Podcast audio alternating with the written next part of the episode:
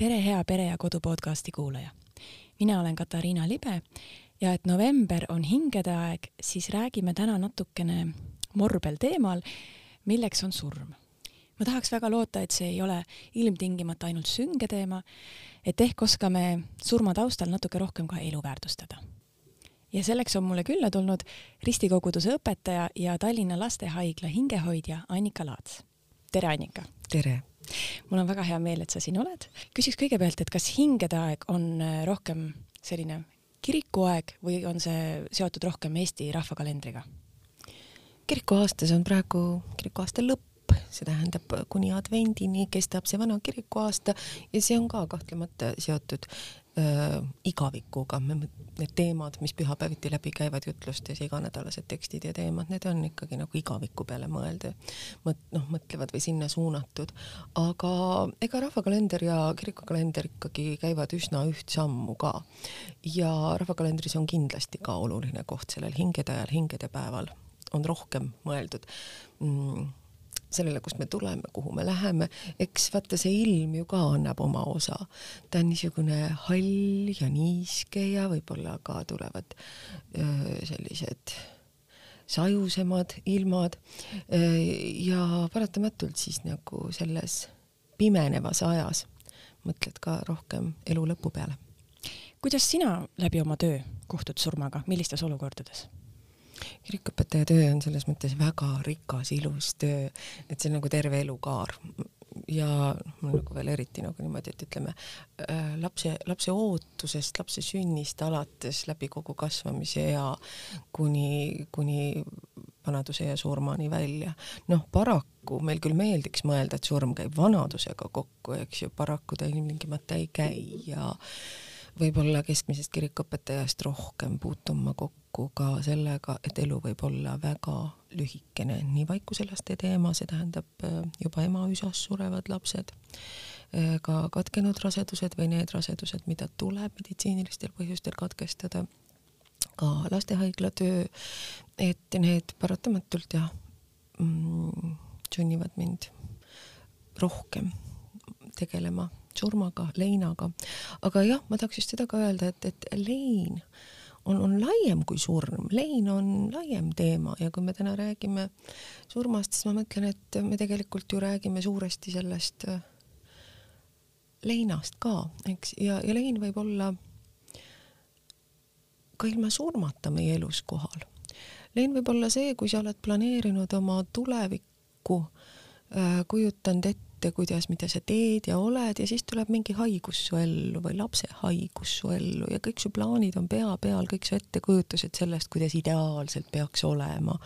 Need kukuvad kokku ja siis sa mõnes mõttes nagu leinad neid oma lootusi ja ootusi, seda tulevikku, mida sa arvasid ees olevat ja, seda tüüpi leinaga, mida me tavaliselt ei defineeri, argikeeles ei räägi siis leinast, eks, aga tegelikult ta on seda, seda tüüpi leinaga puutuma loomulikult veel eriti palju kokku, kui näiteks kujutatakse ette, et mul on ideaalne rasedus ja mul on kõik täpselt, kuidas saab olema ideaalne lapse sünd ja, ja kuidas me siis läheme ja oleme ja kõik on niisugune roosa mull. Ja siis tuleb niisugune elu tegelikkus vahele ja asjad ei saa olema nii ideaalsed. ja siis kuidagi ma näen ka seda, nagu leinatakse seda ettekujutust oma sellisest roosast idüllilisest äh, ideaalpildist. noh, ka, ka abielude purunemine, abielulahutus, kõik need asjad tegelikult on kusagilt see, et me oma igatsusi, oma lootusi, mida me arvame tulevikus olevat, kaotame need ja siis leiname ja peame selle uue olukorraga toime tulema nii et, et see on selles mõttes on, on neid, neid teemasid on mu töös tõesti väga palju. kas see ootuste luhtumise lein, kas ta on sarnane surmaleinale, kas inimest saab toetada selles olukorras samamoodi?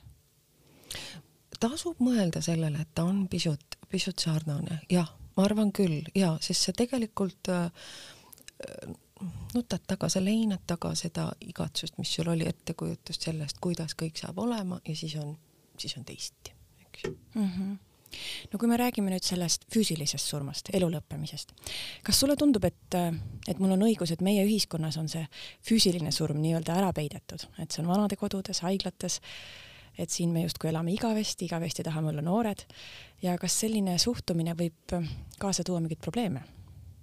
ja ma arvan, et, et sul on õigus.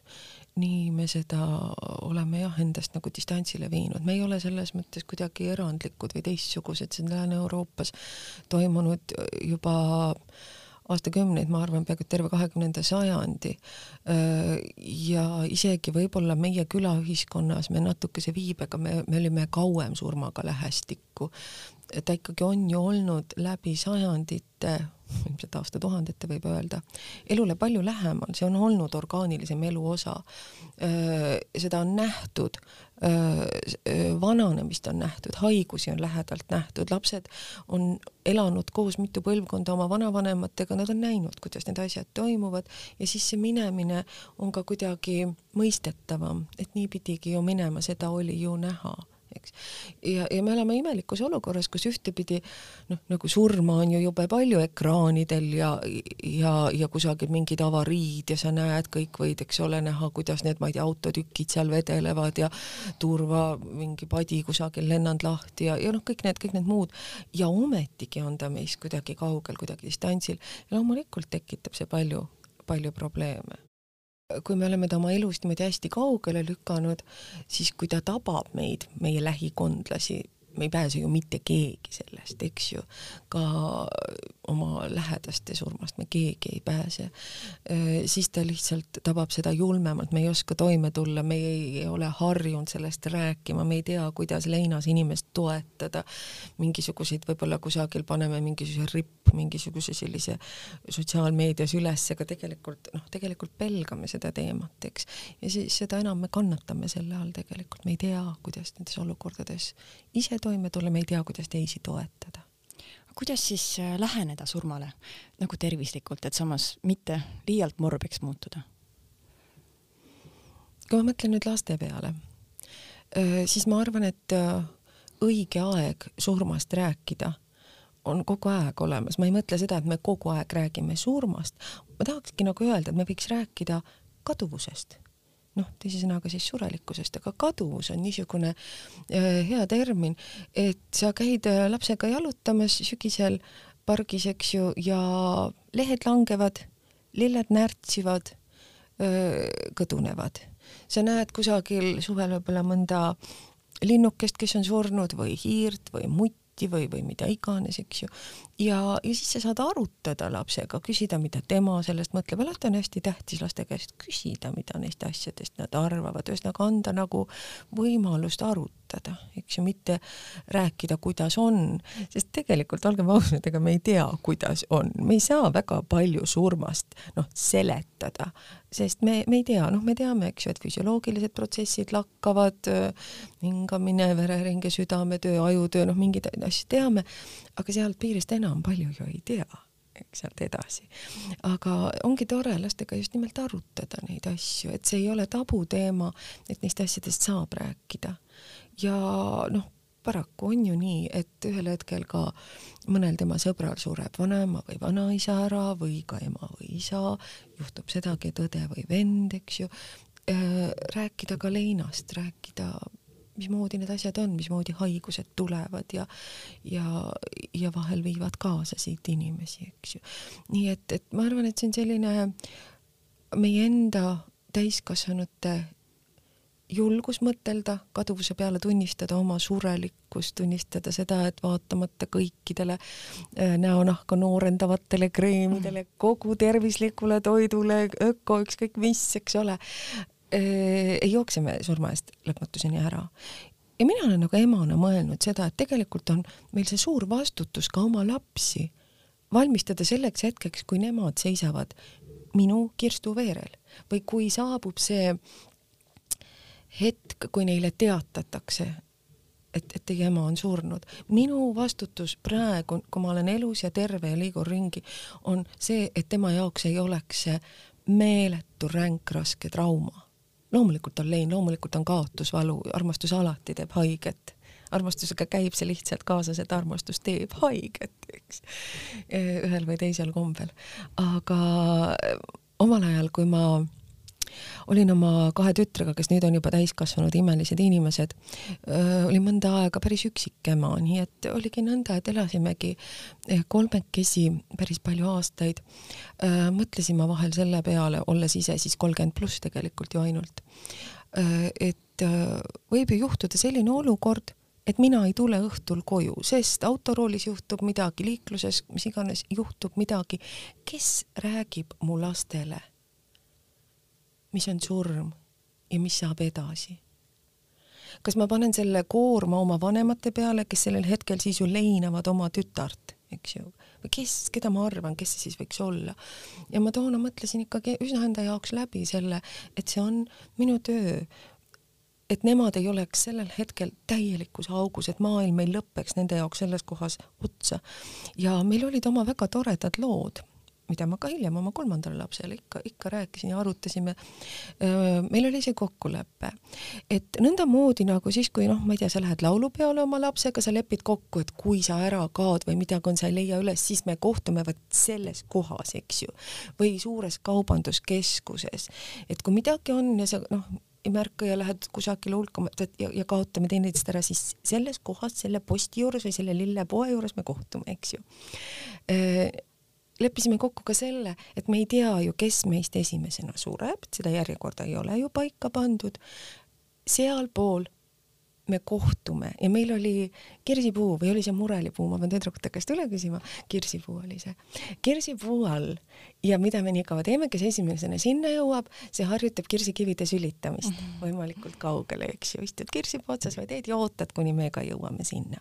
ja mul on tunne, et lapsed nagu adusid seda, et selles oli väikene niisugune natukene nagu noh, huumor ka selles, eks. aga see oli meie kokkulepe, et kui tuleb surm ja keegi noh, kes meist esimesena ära läheb, et me ootame, me saame kokku, et ei ole seda, et, et see on nagu igaveseks ajaks lahkuminek, et me enam kunagi ei kohtu, ei, me kohtume, läheb aega ja siis me ootame seal. Ja siis see loomulikult see, kes ees läheb, see saab kauem aega ka kirsikive, kirsikivide sülitamist harjutada sa ütlesid enne, et, et me tegelikult ju ei tea, mis tuleb, aga sina vaimulikuna töötades kirikus, sa ikkagi ju elad nii, et sa tead, mis tuleb. kas sa näed, ähm, et inimesel, kes ei usu surmajärgsesse ellu, on raskem selle teemaga toime tulla? ma korraks lähen su küsimuse alguse juurde tagasi. Äh, minul kristlasena on usaldus Jumala vastu, mul on teadmine, et tema tahab anda oma lastele igavese elu ma hoian sellest kinni, see on minu niisugune äh, üks osa sellest, sellest sisemisest äh, selgroost, sellest turvatundest siin elus. Mm, et see surm ei ole minu jaoks niisugune totaalne lõpp, vaid Jumalal on hea, hea plaan, tahab kinkida igavest elu. see, mismoodi see välja näeb, pole minul kaugeltki noh, selge, sest pealkiri nagu, piibel ei pea seda vajalikuks detailselt seletada, üks ajakirjanik muide hiljuti küsis mu käest, et miks kirikuõpetajad selle koha peal hämavad, et mm. kuidas selle surmaga nagu täpselt ikkagi on. ma ei tea, ma olen meditsiini õppinud, ma töötan haiglas, ma tean nii palju, kui arstid teavad seda, seda suremist, eks ju mm. -hmm. ja siis on mul jumala tõotused, mismoodi see täpselt saab olema ei tea, ju siis pole vaja teada, selgelt öeldakse meile, et seal pole enam pisaraid, nuttu ega leinamist, aga need on sellised, ülejäänud pildid on sellised kujundlikud sümboli keeles. et see on pigem niisugune usaldus või julgus edasi minna, mis mul on kristlasena, teades, et äh, ma ei kuku surmaga kuristikku või noh, ei ole totaalne lõpp, vaid on Jumal, kel, kes hoiab mind oma peopesa sees, kes kannab mind ka läbi surmavarju oru ja annab igavikku eks, mismoodi täpselt, see on tema asi. aga tulles su nüüd küsimuse teise poole juurde tagasi, kas sa küsisid mu käest seda, et kuidas on nendel, kes ei usu mm? -hmm. rääkisid sellest, kuidas sina oma lastele rääkisid surmast, aga kõik ju paratamatult ei usu surmajärgsesse ellu, ei usu Jumalasse. et kuidas need vanemad võiks oma lastega rääkida? ja, ja kas sulle tundub, et kristlasena sul on eelis natukene? Ma olen päris kindel, et mul on eelis, mul on elamise julgus selle võrra ja ma saan oma lastele seda elamise julgust anda edasi. ma olen veendunud, et see on väga-väga suur asi, et sul see äh, perspektiiv on nagu teistsugune või nagu üks dimensioon on juures, täiesti kindlalt. Äh, aga noh, ja religioonides on see ikkagi ühel või teisel kombel olemas. ja kui sa ütled, et äh, neil, kes ei ole religioossed, et nendel seda kujutlust ei ole. ma päris kindel ei ole, sest ma vaatan inimesi, kes ütlevad, et nad noh, ei ole kristlased, nad ei usu, neil ei ole Jumalat. Nad on väga paljud siiski loonud endale mingisuguse kujutluse, kes ütleb seda, et noh, lohutuseks inimestele näiteks matusele, et sa ela-, noh, et ta elab edasi oma järeltulijates mm, -hmm. eks ju, või või nendes heades tegudes, nendes jälgedes, mis ta siia maailma jätnud on, või siis see väga trafaretne ja täielik vale, eks ole, et mälestus elab igavesti, no tühja see mälestus igavesti elab, mälestus elab nii kaua, kui on neid, kes mäletavad, eks ju mm. -hmm. et, et siiski mulle tundub, et inimesed mm, isegi kui nad ütlevad, et nad on ma ei tea, ateistid, agnostikud, kes mida ütleb, eks ju, et, et see, see mingisugune lootus või mingisugune igatsus, et on, ega hingede aeg ju kõneleb ka meile sellest, eks.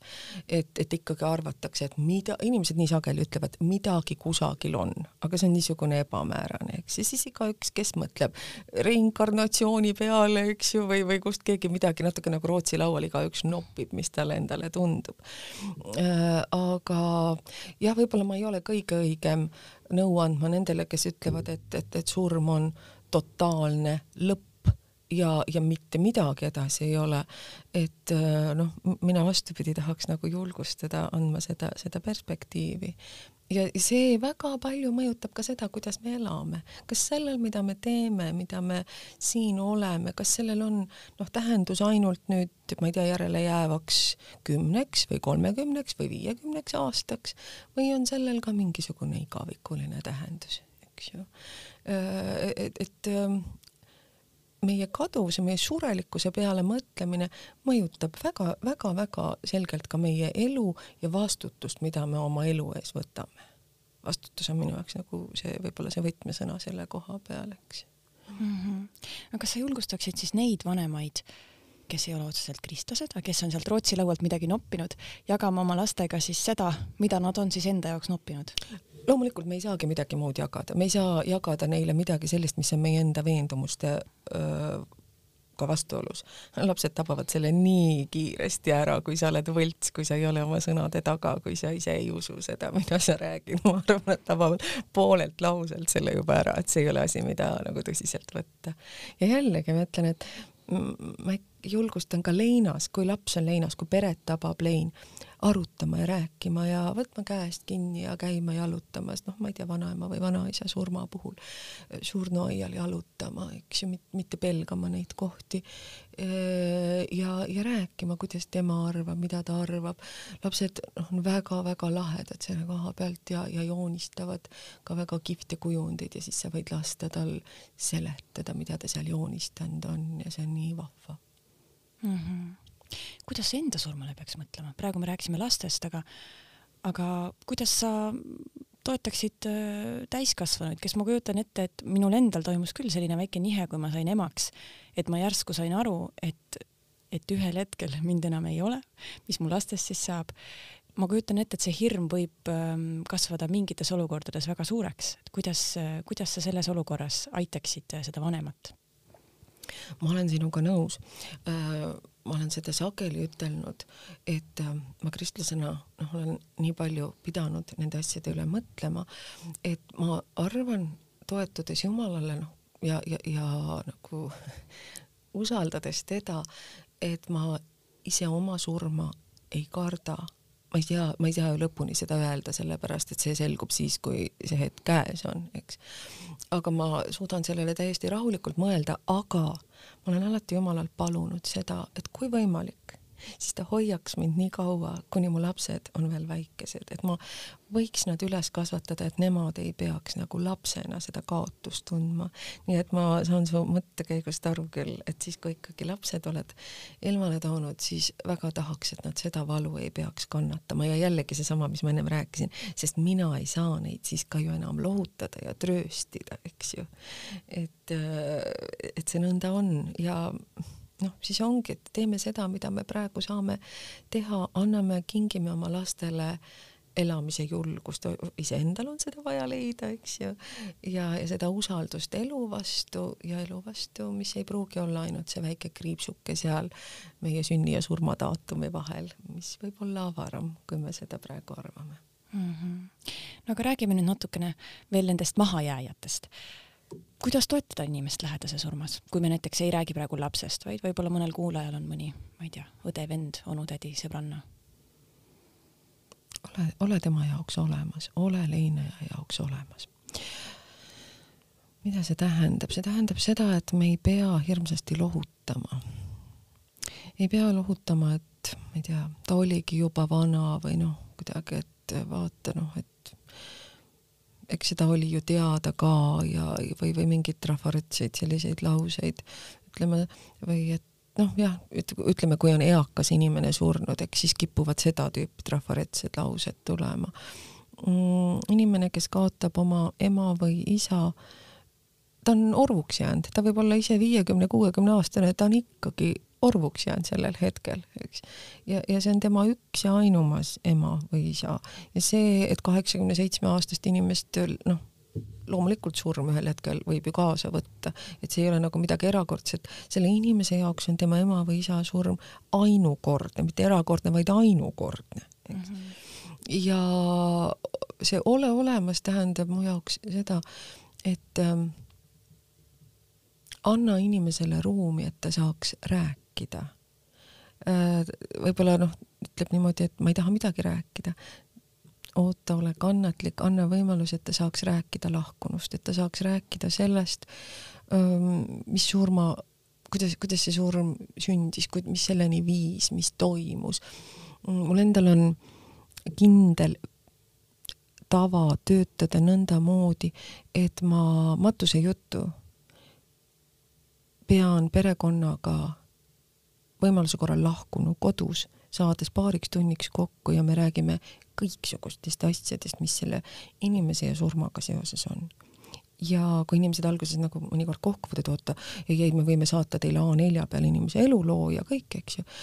Äh, nad nagu pelgavad seda, keegi ei käi ju väga kodus enam meil, eks niimoodi võõras inimene.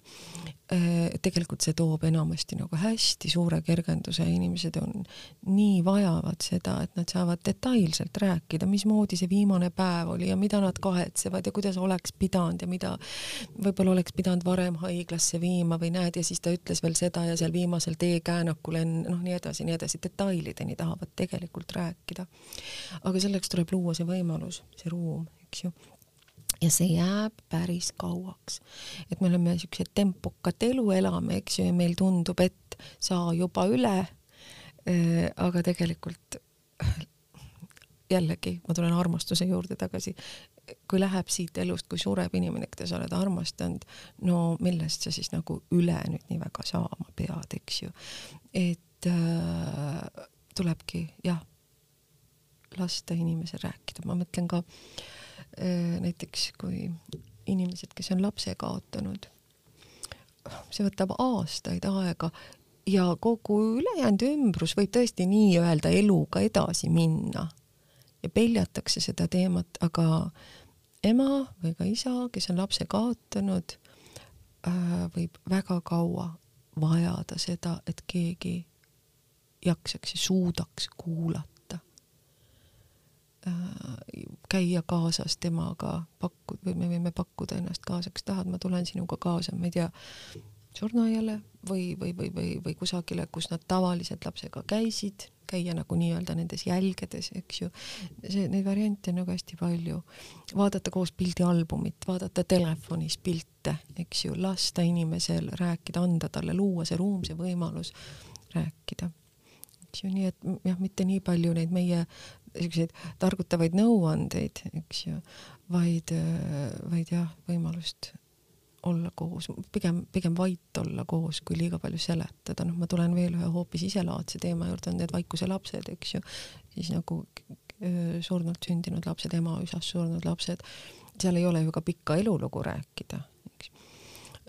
Ja, ja seda enam kipuvad inimesed, kes pelgavad seda teemat, kes pelgavad surmateemat, leinateemat üldse ütlema, et noh, sa oled ju noor, küll sa saad veel lapsi ja oih, küll on hea, et sul on nagu juba olemas noh, mõned lapsed ja noh, nagu kuidagi ikkagi me tahaks nagu nii-öelda julgustada, aga leinevale emale annab see sõnumi, et äh, inimesed ei jaksa teda kuulata, inimesed tahavad sellest teemast üle minna, sellest valust, mis tal on mm. -hmm.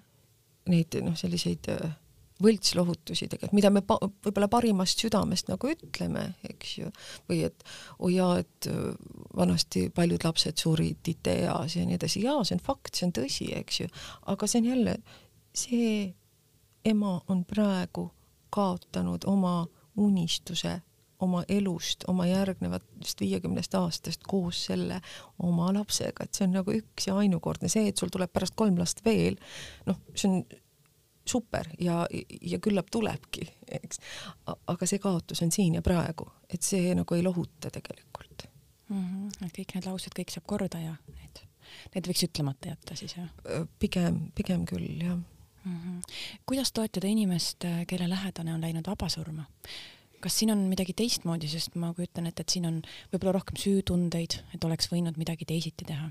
ja loomulikult see on veel palju raskem olukord ja noh, ütlen seda enam, seda enam on vaja siin paluda Jumalalt seda tarkust, et kuidas olla kõrval, kuidas mitte põgeneda. noh, meil on kerge otsida mingeid muid tegemisi, minna tänaval vilksti teisele poole teed lootuses, et äkki ta ei näinud mind, eks, sest ma ei tea, mida talle ütelda, sest see on nii jube, eks.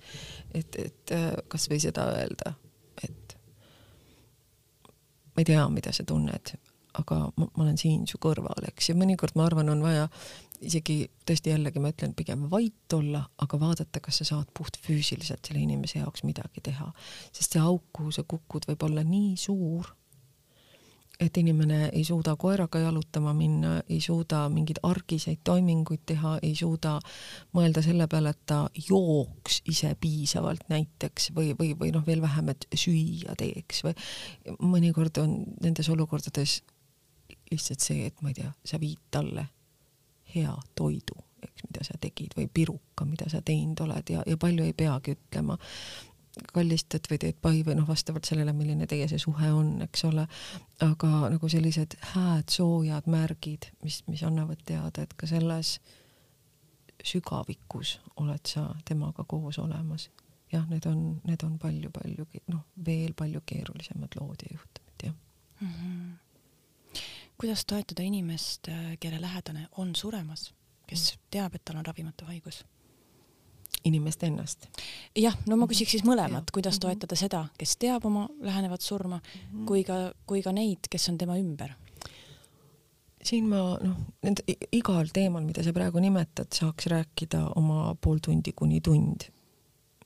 aga niimoodi põgusalt sulle vastates ütlen ma, et äh, inimesega, kes läheneb surmale, me kõik läheneme surmale, aga mingid teekonnad on sellised, kus on juba ikkagi teada, et see on äh, pigem kuude või, või aasta küsimus, mitte aastakümnete küsimus, eks. on äh, jällegi see julgus, mõlemapoolne julgus rääkida, vot siin ma ütlen küll rääkida surmast. On päris õnnetu lugu, kui nii haige kui ka perekond teavad, et surm on tulekul ja mitte kumbki pool, mitte keegi ei julge sellest rääkida, surm on sisuliselt toas, eks ju, ja temast ei juleta rääkida. see on mõlemale raske, see on kõigile raske, sest tegelikult see tähendab seda, et ei juleta ka Jumalaga jätta, ei, ei juleta tänada selle eest, mis olnud on, ei juleta mingeid asju selgeks rääkida. ma jään vist alati meenutama seda perekonda, kus Äh, emal oli neljanda staadiumi vähk pikalt, ta elas kodus, äh, temaga samas majas elasid kaks täiskasvanud last, äh, iga päev puutusid kokku, see kestis pikalt, see protsess. ja kui oli aeg ema matta, siis istusid need tütred mul vastas ja ütlesid, meil pole õrna aimugi, kuidas ta tahtis maetud saada või mida ta tahtis, sest me ei julenud kunagi surmast rääkida ja see on, see on nii narr, see on, see on tegelikult noh, kurb, sest äh, sest inimene tahab tegelikult noh, jah, siis on see, et kui haige hakkab sellest rääkima, eks ju, siis me ütleme ei, ei ema, mis sa nüüd, mis sa nüüd, eks ju, mis sa ei hakka surema, sa veel pead oma sajandat sünnipäeva, jälle me tegelikult põgeneme selle eest. me võime rahulikult ütelda, et jah, et ma olen siin, ma räägin sinuga, ma ei taha sellele mõelda, aga, aga ma tean, et meil tuleb sellest rääkida ja ma tahan sinuga olla lõpuni ja tulgu see siis nädala või kümne aasta pärast, eks ju.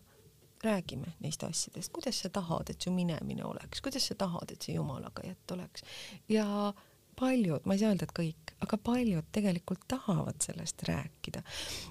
olukordades, kus äh, pereliikmed keelduvad, kus nad hakkavad kohe niimoodi takkad, oi ema ei räägi isa, et mis sa nüüd ja nii edasi, eks ju, ja lipsti valivad ruttu mingi teise teema, eks ju.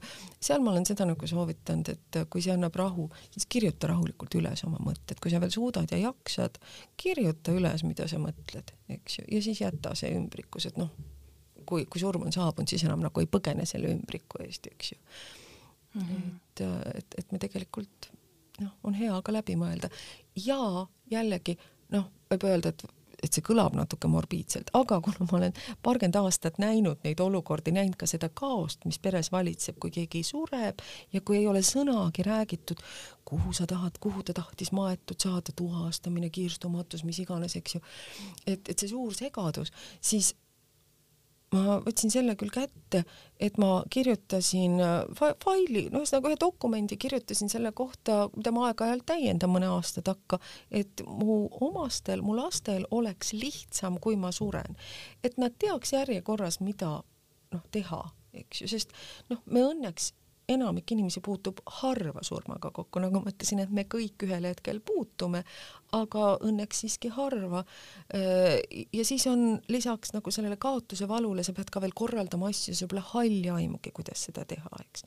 noh, me teeme sellega jällegi oma laste elu pisut kergemaks kui me paneme need asjad kirja. ma saan aru, et see tundub morbiidsena, aga no me teeme oma laste heaks igasuguseid asju tegelikult, et, et selle võib ka ära sõnastada, noh, ma ei ütle seda, et seda peaks siis tegema, kui sa oled kakskümmend viis, eks ole. aga miks mitte keskealisena see ära, ära teha Mm -hmm. ja siis noh, ta on sul seal arvutis seal üks dokument, eks see, sa nagu ei pea seda iga päev vaatama ja lugema, eks ju.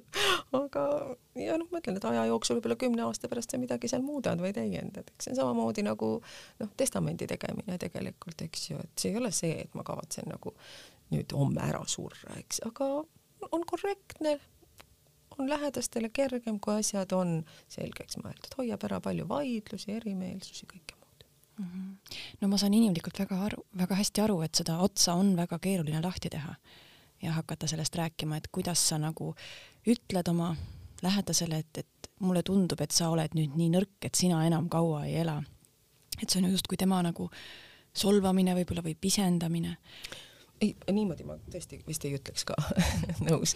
aga näiteks kui minna oma eaka ema või vanaemaga suvel surnuaiale lehti riisuma, mida ju ikka eestlased sageli teevad, eks, et sa ei viita autoga sinna kohale, sest tal on tähtis käia oma abikaasa hauaplatsil või oma vanemate hauaplatsil kord aastas, eks, siis on näiteks väga normaalne keskkond küsida, kuidas sina tahaksid maetud saada mm. -hmm. kas sa tahaksid ka siia maetud saada, et noh ma ütlen, me oleme ehitanud need hullud barjäärid ja pärast oleme ise nende hullude barjääridega hädas, sest me pärast põeme seda, et me ei tea, mida ta oleks tahtnud, eks. noh, millal sa siis seda küsid? küsi siis seda varem, kui ta ei ole hingpaelaga kaelas seal voodis, mhm. eks. noh, tegelikult me kõik, kelle vanemad on kuuskümmend, seitsekümmend pluss ja võiks hakata siis vaikselt küsida järgi. või jällegi teha oma lastele elu kergemaks mingis vanuses, ütelda, et näed, kui mina ükskord suren, tahan ma ka siia maetud saada. ja muide, lapsed on palju normaalsemad selle koha peal, meil tekib hiljem see kiiks mm. -hmm. see on üks asi, mis on minu jaoks hästi problemaatiline. me hullumoodi arvame, et kaitseme oma lapsi. see on nii jube, me ei võta teda matusele kaasa, ta ei pea seda nägema, see ja teine, kolmas, neljas mida varem sa oma lapse kellegi matusele kaasa võtad, seda normaalsem see tema jaoks on. kui ta esimest korda satub seal varateismelisena kolmteist, neliteist, eks ju, või midagi sellist, ja, ja see on juba väga lähedase inimese matus, see ongi näiteks tema parim sõber, tema vanaisa, siis on see ränk.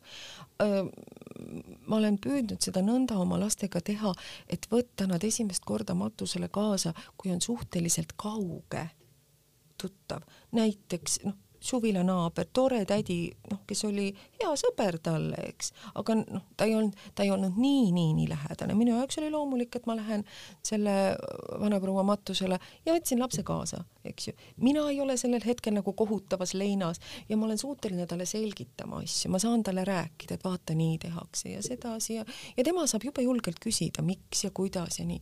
et, et me teeme suure, vot sellega ma ütlen küll, et me teeme suure vea, kui me lapsi ei võta matustele kaasa või ei võta äh, no nüüd ei saagi hooldekodusse ju minna koroona tõttu, eks ju, aga kui me ei võta teda vananeva inimese juurde kaasa või haige inimese juurde kaasa, sest see on nii õudne, sest see tekitab talle trauma ja mida kõike. ma olen uskumatuid lugusid nagu oma kirikuõpetaja töös näinud, kus äh, ema ei andnud oma tütrele teada seda, et lapse isa sai surma ta varjas pikalt oma lapse eest seda, et lapse isa on surnud, nad ei elanud koos, aga tüdruk käis oma isaga tihedalt ja regulaarselt läbi ja ema ütles, et see oleks talle liiga traumeeriv, liiga suur šokk.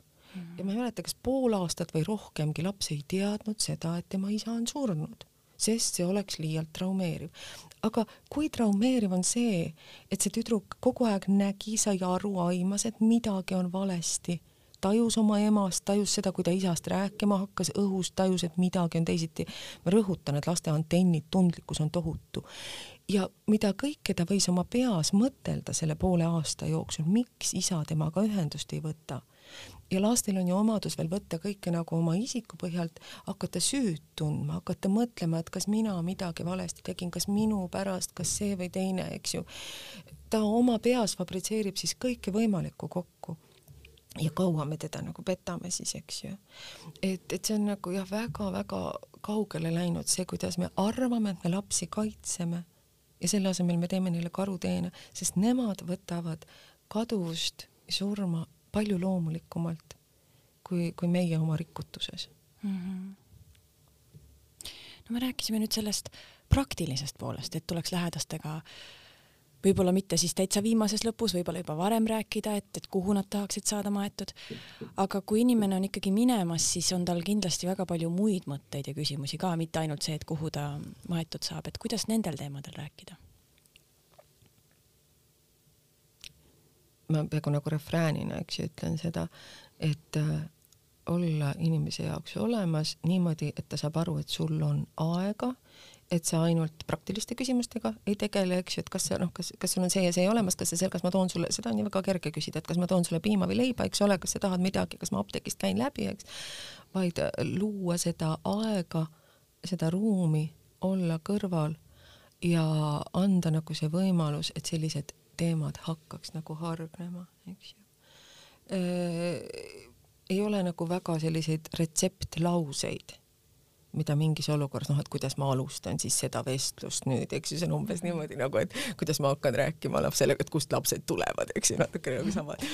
et võtan nüüd, võtan nüüd hooga nüüd, hakkan rääkima, et ma arvan, et surmaga on natuke samamoodi, eks ju. aga noh, küsimuste küsimine on alati hea, eks ju, et kas sul on kas sul on selles, selles olukorras selle diagnoosiga, et kas sa oled kurb, kas sa tunned, et sa tahaksid midagi veel ära teha hästi oluline on küsida ka seda, et kas sul on mingeid unistusi, kas sa tahaksid midagi jõuda veel teha või kellegagi kokku saada. Kas on ka nagu mingit asja, mis nagu sind, mis jää, on sulle kripeldama jäänud, eks ju, et milles ma saan aidata. kui ma töötasin Diakoonia haigla hospiitsosakonnas, siis nagu surijatega, siis hospiitsfilosoofia üks osa on see, et valu ei ole mitte ainult füüsiline valu, vaid seal on väga selgelt ka see vaimne, sotsiaalne, psühholoogiline pool. mingisugused suhtesõlmed, mingisugused rääkimata asjad, mingi valu sellest, et sa oled oma pojaga näiteks noh, midagi nii valesti öelnud, et teie suhted on katki see võib olla ääretu suur valu surma ees, selle kõrval noh, füüsilist valu võtad veel seal öö, maha morfiini või millegi muuga, eks ju. aga need valud või näiteks, mis saab minu koerast, võib ka olla, kui koer on olnud viimased kaksteist aastat sinu kõige lähem seltsiline, sinu igapäevane kaaslane, mis temast saab, eks ju. et, et need võivad väga erinevad asjad olla, mis, mis tahavad sellises olukorras rääkimist, eks ju.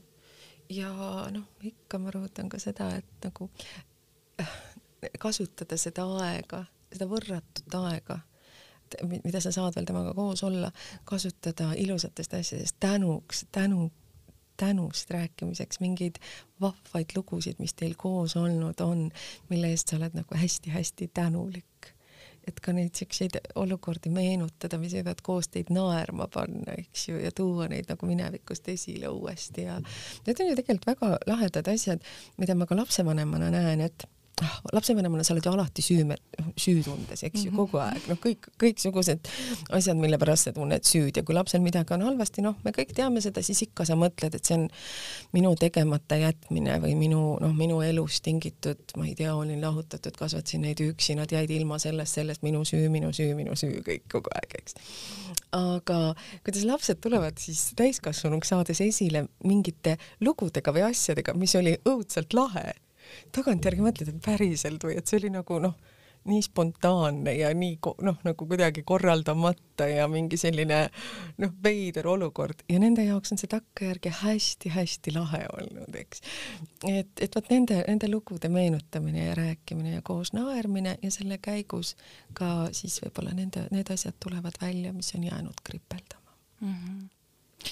et siis mitte ainult see, sellest lõpust ja edasisest rääkida, rääkida, vaid ka siis meenutada ja, möödunud toredat. ja, ja, ja kindlasti, kindlasti, see, see on teie ühine elu olnud, eks ju mm, -hmm. absoluutselt ja no ütlen, see toob nagu nii palju helgust ja, ja jah, helgust ja head nagu uuesti esile. ma küsin nüüd lõpetuseks, et, et äh, kuidas sa seda tööd tehes ise oled nii rõõmsameelne, et kas sa mingeid raskeid lugusid endaga koju kaasa ei võta või kui võtad, siis kuidas sa sellega toime tuled? Mm. -hmm. eks see on, ütleme nii, kõlab nagu sedasi väga äh, asjalikult, ametlikult, et see on nagu osa professionaalsusest, et sellega tuleb lihtsalt õppida, toime tulema ähm,. ma võtan lugusid südamesse, ma nagu väga tahan rõhutada seda, et et see ei ole see, et äh, ära võta südamesse, ära võta, jaa, ma võtan lugusid südamesse, ma tahan nagu väga kohal olla igas loos äh,, iga pere juures, iga inimese juures. aga mul on Jumal ja ma tean, et kõik inimesed on tema omad. ja, ja kui mingi väga raske, väga valus lugu lastehaiglas, noh, mul on olnud seda, ma olen tabanud ennast mõnikord õhtul voodis patja nutmas ja siis ma olen, ma olen stopp, vot nüüd, nüüd sa pead endaga tegelema, nii see nüüd ei lähe, eks ju. et ma annan Jumalale üle ma nagu tõesti kogu aeg tegelen sellega, et ma annan Jumalale üle ja, ja noh, ütleme nii, et ma tean, et mina ju ei saa neid olukordi sügavuti muuta, aga tema omad on need lapsed, kelle pärast ma niimoodi mõnikord nutan. Äh, ja ma lihtsalt annan nad jumala peopesa sisse, nemad ja vanemad, noh, need on need kõige keerulisemad, raskemad lood, eks ju, loomulikult need lastelood. aga jah, mul on, mul on igavese elu lootus ja see on see, see nagu see eriline dimensioon, mis juures on, et ma arvan, et see, me ei pea, noh, me ei pea viimselt ka kõige traagika keskel ei pea seda elu võtma sajaprotsendilise tõsidusega, sest rõõm on suurem ja armastus on suurem ja ja noh, jällegi see kõlab võib-olla väga niimoodi kuidagi trafaretselt, aga armastus võidab surma ära mitte tingimata ja ainult romantiline armastus, vaid, vaid, vaid, vaid, vaid, vaid armastus, mis ongi minu jaoks ju Jumal, eks ju, et see on, see on suurem ja see on nagu mingi valguse kiir, mis pimedusest läbi tungib. ja võib-olla see minu töö ongi seda, et lasta nagu sellele valgusel nendesse olukordadesse tulla, kas või õrna kiirena alguses, eks ju, et seda, seda rõõmu ja helgust, vot just helgust ka noh, nendesse olukordades kusagile tuua ja tänu mm. -hmm. kokkuvõtvalt siis meid kuulavatele lapsevanematele hingede ajal sa siis soovitad minna neid äh, kolletunud lehti vaatama, rääkida kaduvikust või? rääkida elust, elust kõige laiemalt, naerda, hullata, möllata ja rääkida, mis on elu, kuulata, mis tema elust arvab mm -hmm. ja siis nagu koos kasvada, koos, koos lapsega kasvada on ikka võrratult ilus, nad oskavad nii tarku asju ütelda mm. -hmm jah, seda ma tean emana ka, et lastel on väga huvitavad mõtted surmast just, ja nad tahavad sellest väga palju rääkida tegelikult. just surmast ja elust ja, ja, ja, ja ka selle noh, inimeseks olemisest mm. -hmm. aitäh, Annika, sulle tulemast! kõike head teile kõigile, ilusat hingedeaega ja peatset jõuluootust! aitäh, armas kuulaja, et sa meid ära kuulasid ja nagu ikka, meie saated on leitavad Spotify'st, iTunes'ist, SoundCloud'ist ja teistest suurematest podcast'ide rakendustest